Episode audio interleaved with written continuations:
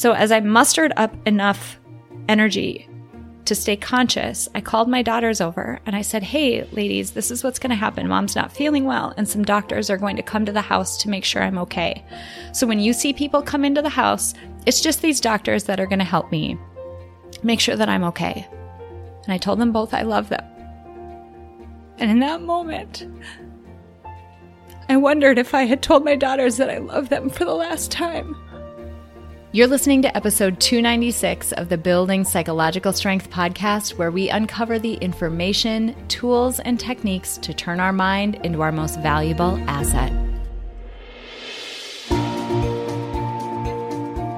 The courage to face fears with persistence.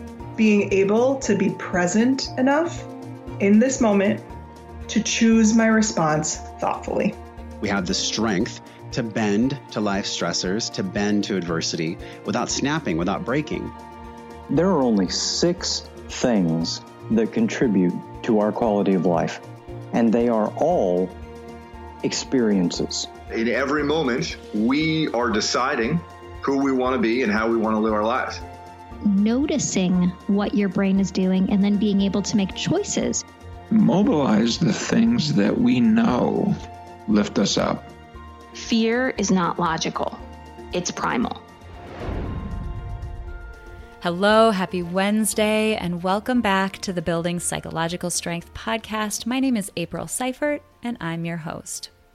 You know, so many times we talk about building psych strength, and it is a topic that gets misconstrued because people think um, things like gratitude practices and some of the work that we do and, and the techniques that we talk about on this podcast are akin to pretending like there's no hardship or no adversity in the world. You know, we've done past episodes on the difference between a gratitude practice and toxic positivity. Toxic positivity meaning a uh, situation where we deny the fact that adverse, difficult, challenging things will happen in life. We put our rose colored glasses on and we pretend like everything's okay when it's not. We ignore our difficult emotions and we move on as though there's something wrong with experiencing hardship in life when in fact it's just a it's a fact of life where psychological strength really comes into play is when the chips are down when it's really tough, when life hands you adversity, or worse, when you're in a crisis situation. Psychological strength is something that we practice and we work on and we develop in our day to day lives so that we are strong and we have skills and capabilities when we need them. I'm going to give a quick analogy and then I'm going to talk about why I'm diving in in this way. The analogy I want to give is basketball. We've given this before on the podcast. Let's say that you are a professional basketball player and you want to, you know, do well in the upcoming NBA championships. Right? Let's say that that's that's your goal. You're not going to practice free throws for the first time during the NBA championships. You're not going to perform very well if that's where you're getting your practice. Instead, you're going to set up the opportunity for you to practice free throw after free throw after free throw outside of the context of when it really matters. You're going to practice these techniques in order to create the muscle memory you need so that when you're in a high stress situation like the NBA championships, when you're in a situation when it really matters, when your performance needs to be on point, you can rely on that muscle memory, on the strength and the skill that you developed outside of that during practice. You can rely on it and show up and perform in a way that gets you through that situation effectively. I give that example because in our lives, you know, so many times it seems like it's not worth it to practice mindfulness, practice gratitude, practice having an observing, separate relationship with our thoughts, practice emotional intelligence and, and uh, emotion labeling, and all these other things that we talk about on the podcast. There's so many, and we'll dive into a bunch during this episode. So many times we think that that work just isn't important in our day to day lives. But I want to tell you that when you encounter adversity, when life hands you a crisis, what is the most incredibly valuable gift is the ability to rely on that practice, to rely on the skills and the abilities that you've developed outside of that crisis situation in order to move through it and thrive and do well. Today's episode is very personal. I want to share a crisis situation that recently happened to me, and I want to talk about the elements of psychological strength that came into play both during the crisis and in the days and weeks after. This is not going to be an easy episode for me to put together. I am very likely going to choke up at a number of points in this episode, so just be ready for it. and just know that you if you are in a position where you might be triggered by health related issues, that that's what we're going to be talking about during this episode. Regardless, I would really hope that all of you who are here stick around. Uh, we'll talk a little bit about what happened in this situation, but then I want to unpack it. I want to make it relevant for you. I want to talk about why you should keep coming back to this podcast and others, and why you should continue to work on these skills for yourself because they're absolutely critical. Okay, so first let's talk about the situation that happened. Uh, I am a just to you know give you some context i'm a fairly healthy individual. Many of you know that i have multiple sclerosis that i have lived with that for 25 years of my life. Uh, but other than that i'm extremely healthy. I work out four-ish times a week my diet's pretty good i sleep exceptionally well i keep myself hydrated you know all of the care and feeding that you would basically give a house plant which is what our bodies need i try to do for myself because it's important to me and it's something that I value. And I give that context because uh, I want to avoid a situation where you hear what happened to me and we immediately try to psychologically distance ourselves and say, oh, that could never happen to me. I want to immediately bat away, oh, maybe she wasn't taking care of herself. Maybe, you know, she, whatever it was.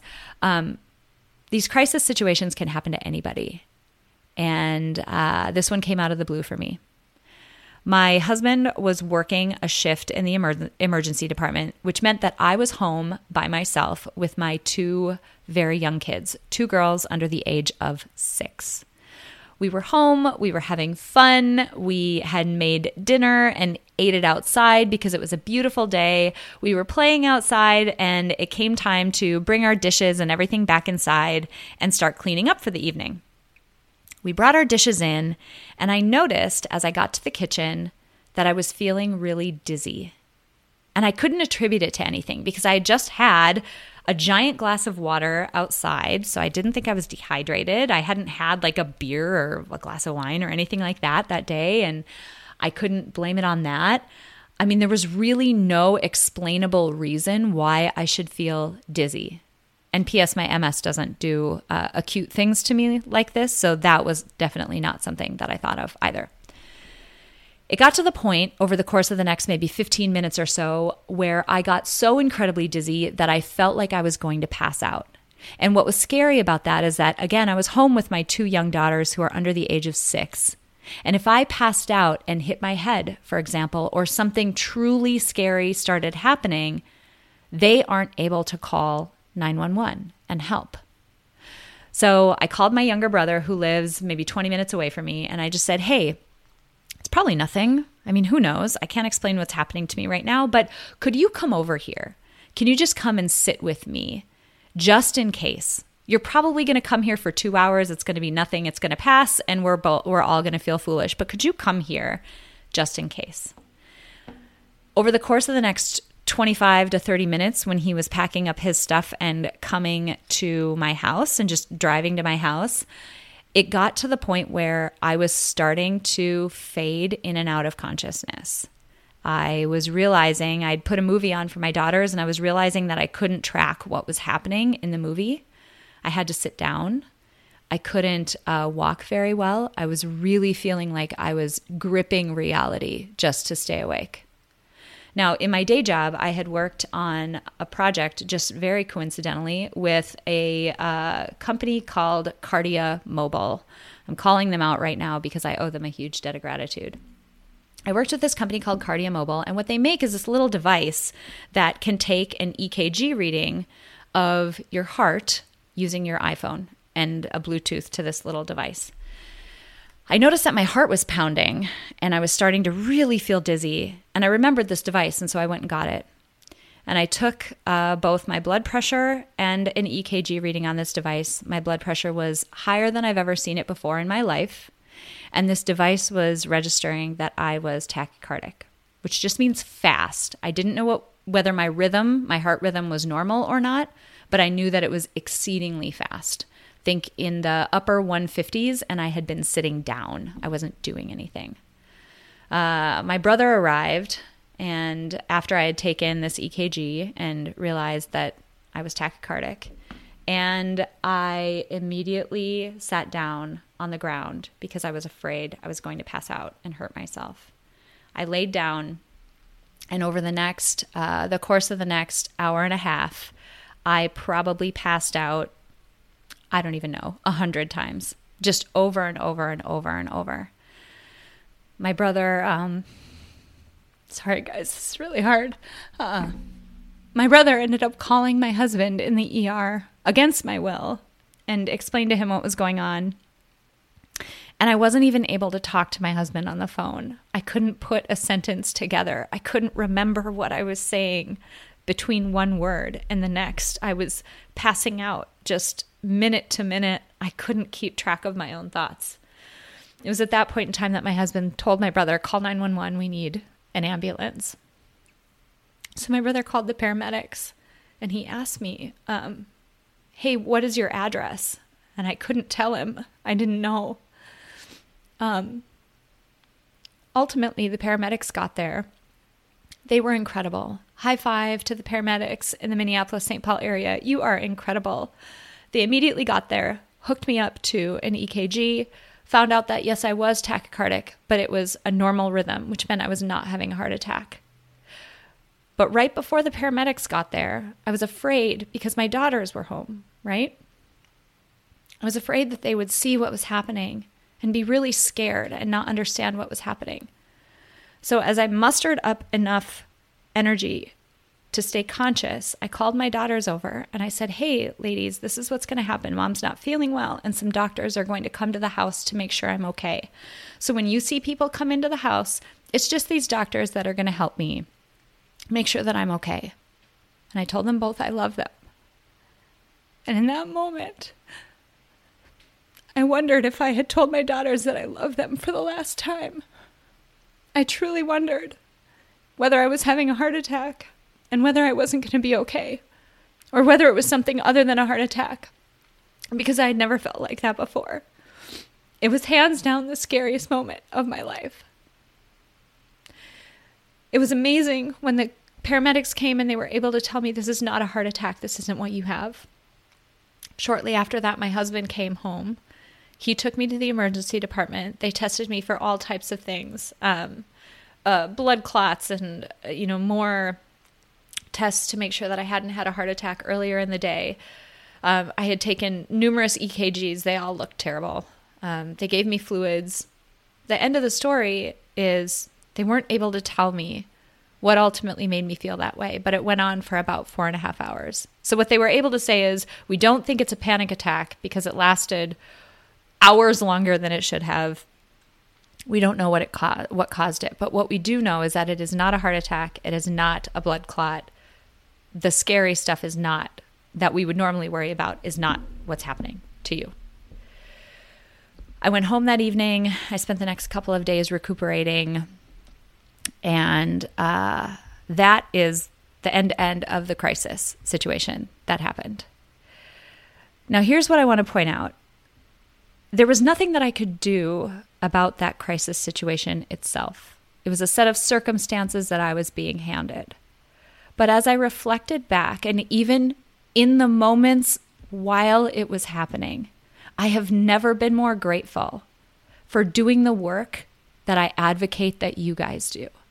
When Ashley and I say that we do the exercises we tell you guys, we're not making it up. I practice this stuff on a daily basis, and I have never been more grateful in my life. And for the remainder of this episode, I want to talk about some very specific ways that psych strength played into how that situation played out and also what happened in the days and weeks afterward. So, before we dive in there, I want you to think about that. I want you to think about a health situation happening to you and having to confront the reality that something really bad could be happening right now. That could be fatal.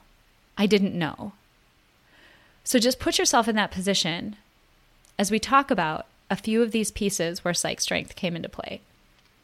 The first place that I want to call out is something that happened while I was at the worst of the worst. My heart was racing. I was pretty sure I was having a heart attack. The paramedics had been called, they were coming to my house, and I knew that my kids were going to see this all happening.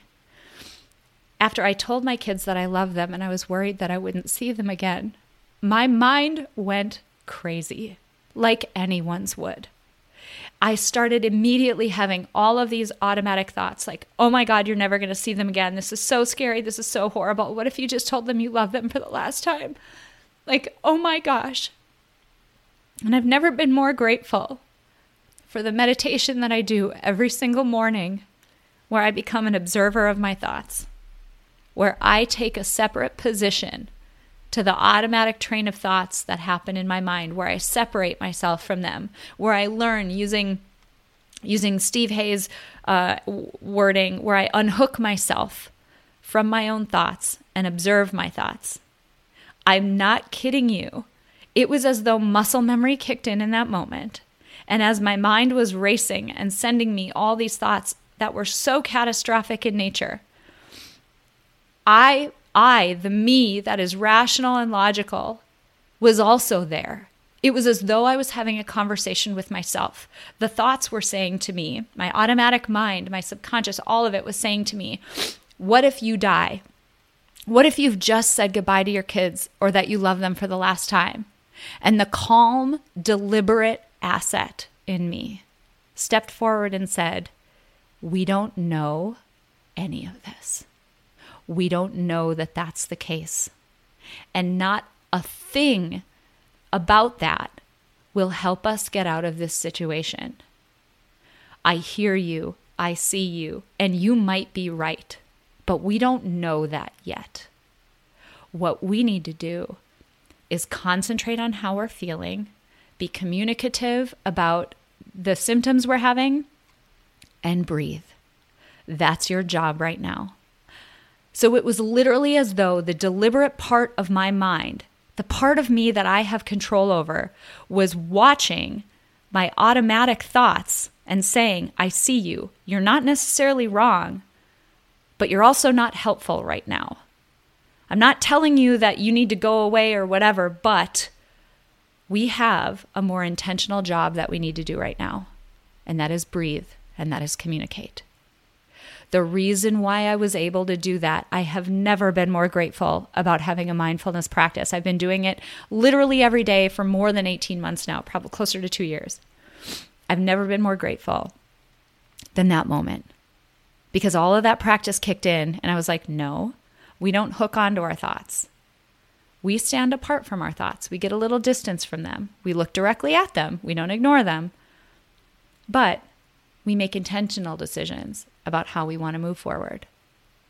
Practice mindfulness, meditate, do it every day, even if you hate it. Do it every single day because I'm telling you, in the middle of a crisis, I had a calm center to my mind. It was so valuable, and I've never been more grateful for that. The other piece that I want to say about that same situation is our mind plays reliable tricks on us. It has a set of habits. We talk about this as being the committee. It has a predictable set of habits that it relies on to try to keep us safe. One of them is predicting the future, another one is catastrophizing. You can hear it in what my mind was automatically doing during that time. It was catastrophizing and say, oh, saying, "Oh my gosh, you aren't going to see your kids again. Oh my gosh, this is so horrible."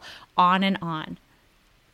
The more you can get yourself familiar with what those thought patterns are, and go back to the episodes where we talk about the committee Familiarize yourself with them so that you can recognize them in a moment's notice and say, no, that is catastrophizing. You don't know that it's going to be that bad. It might be, but you don't know that.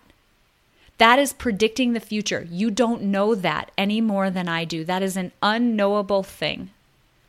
So, yes, we will acknowledge that that is one possibility among many, and we don't know the outcome. That bit of distance, that tiny bit of optimism in an extremely scary situation, the scariest moment of my life, that's what got me through that moment with some rationality. I had a calm center because of my mindfulness practice and because I've gotten used to identifying those thoughts, those committee members. Get good at them, get to know them.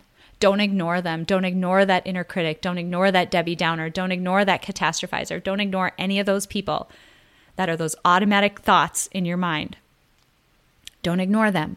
Get to know them instant, inst- intimately. It's the know thine enemy, right? Get to the point where you can recognize them quickly because then you can distance yourself from them. You can put some psychological distance between you and them, and you don't get hooked and pulled down by them.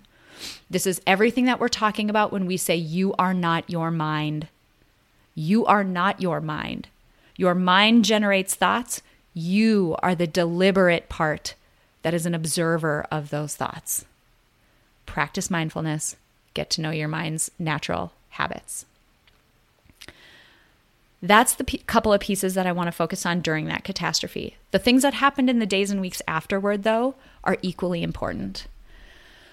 One of the first things that happened to me is so this the incident itself happened on a Thursday. That next that Saturday, so 2 days later, my husband, myself, and my two kids walked down to our local farmers market.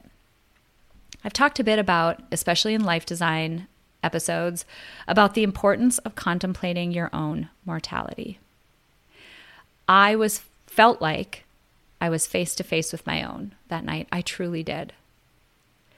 And part of me on that Saturday morning, I took a moment as we were walking to the farmer's market, just laughing and walking along the trail and having a good time, to think about what that day would look like if I wasn't there? How different would my husband's just day be? What would my kids have felt? How would that have looked if I wasn't there? And the gratitude that washed over me in that moment is indescribable. I've never been more grateful to have such a normal, everyday experience as taking a walk with my kids. I've never been more mindful about the moment to moment experience that I was having as I was in that moment. Contemplating my own mortality is something that I do, again, often. And I don't think it's unrelated that that's where my mind went two days after this event, I truly thought about what would they have been doing today if that would have gone in a different direction? And how grateful am I to be here? And instead of ignoring it and saying, no, no, no, no, no, that didn't happen, and pushing it away, I marinated in it for a minute. And how grateful I was to be there. That feeling hasn't gone away. There have been pivotal moments in my life and in all of ours where there was our life before that moment and our life after. The moment was just a pivot point. Th- that moment was just snapped in time. That's one of those for me. I will be eternally grateful to be here after experiencing what I did.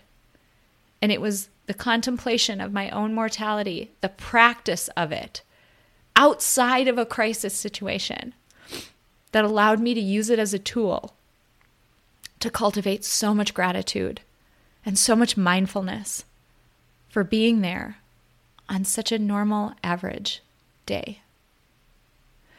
And the last thing that I want to point out so, think about your life. Think about how short and finite and unpredictable it is. You're not guaranteed anything. You're not guaranteed tomorrow. I was afraid I wasn't going to get another day. Be grateful. Be present. Go after the things you care about. Don't worry so much about what other people think. This is your life. Go back and listen to the episodes where we talk about principles of life design. You are at the center of your life.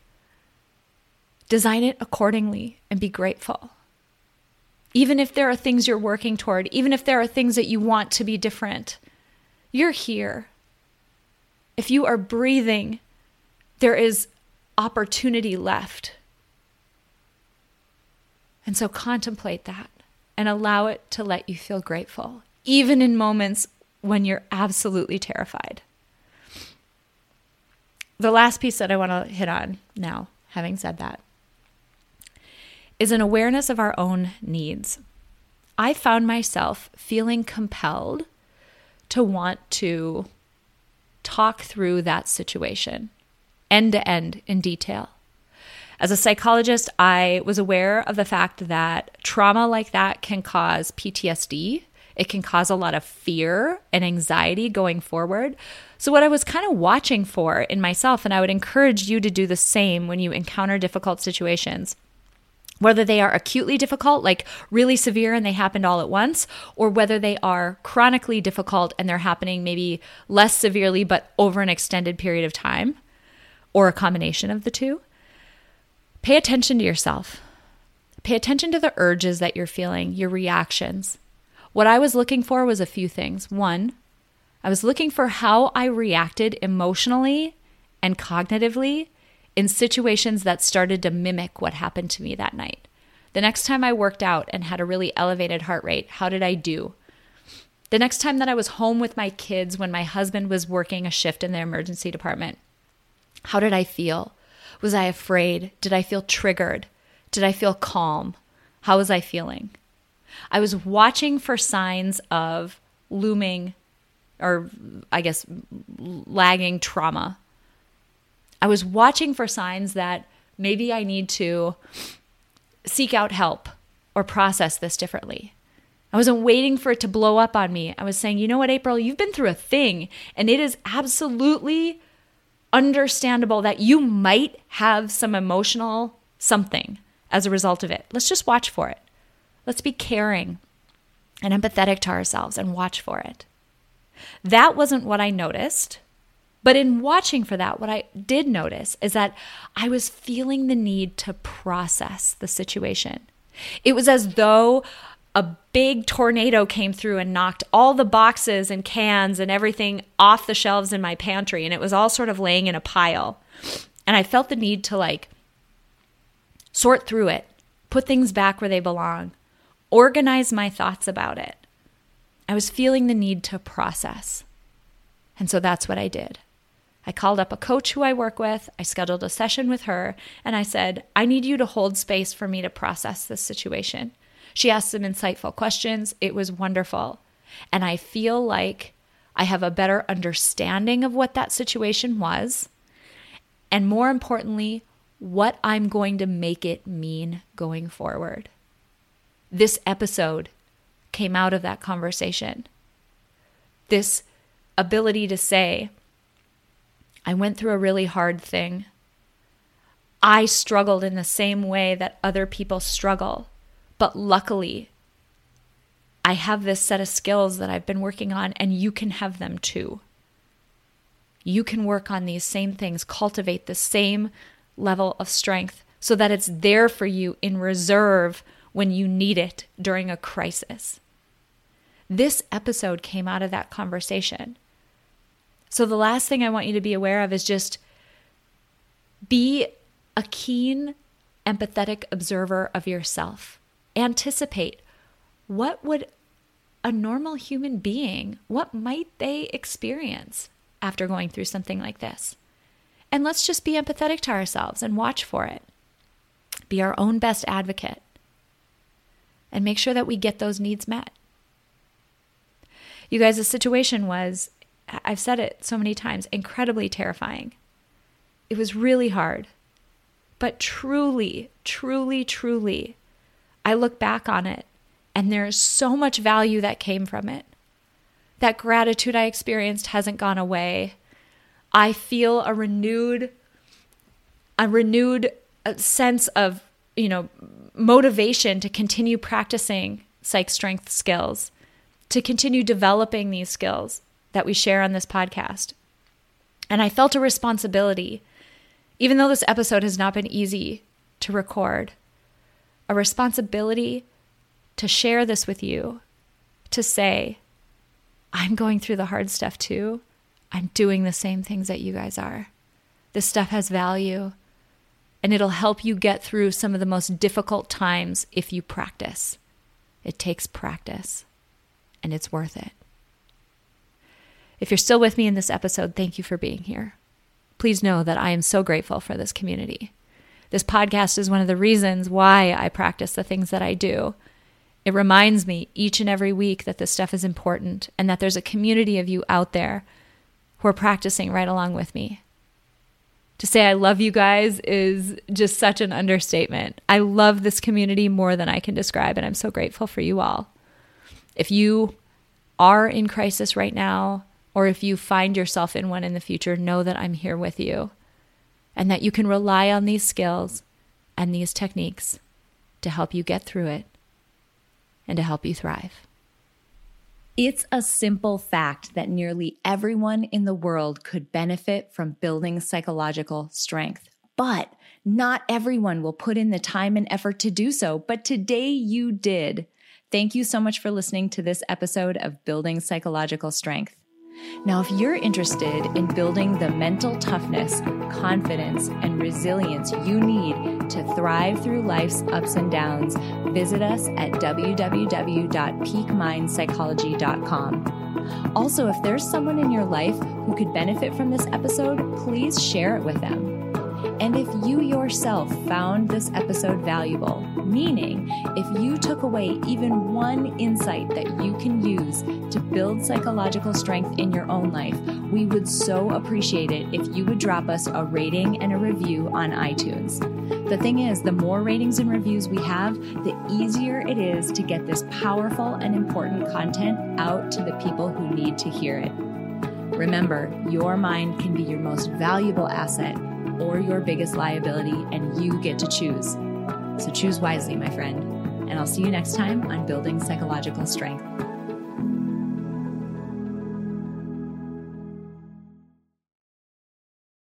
At Parker, our purpose is simple. We want to make the world a better place by working more efficiently, by using more sustainable practices, by developing better technologies. We keep moving forward with each new idea, innovation, and partnership, we're one step closer to fulfilling our purpose every single day. To find out more, visit parker.com/purpose. Parker, engineering your success. As humans, we're naturally driven by the search for better. But when it comes to hiring, the best way to search for a candidate isn't to search at all. Don't search, match with Indeed. When I was looking to hire someone, it was so slow and overwhelming. I wish I had used Indeed. If you need to hire, you need Indeed. Indeed is your matching and hiring platform with over 350 million global monthly visitors, according to Indeed data, and a matching engine that helps you find quality candidates fast. Ditch the busy work. Use Indeed for scheduling, screening, and messaging so you can connect with candidates faster. And Indeed doesn't just help you hire faster. 93% of employers agree Indeed delivers the highest quality matches compared to other job sites, according to a recent Indeed survey. And listeners of this show will get a $75 sponsored job credit to get your jobs more visibility at Indeed.com slash podcast. That's Indeed.com slash podcast. Terms and conditions apply.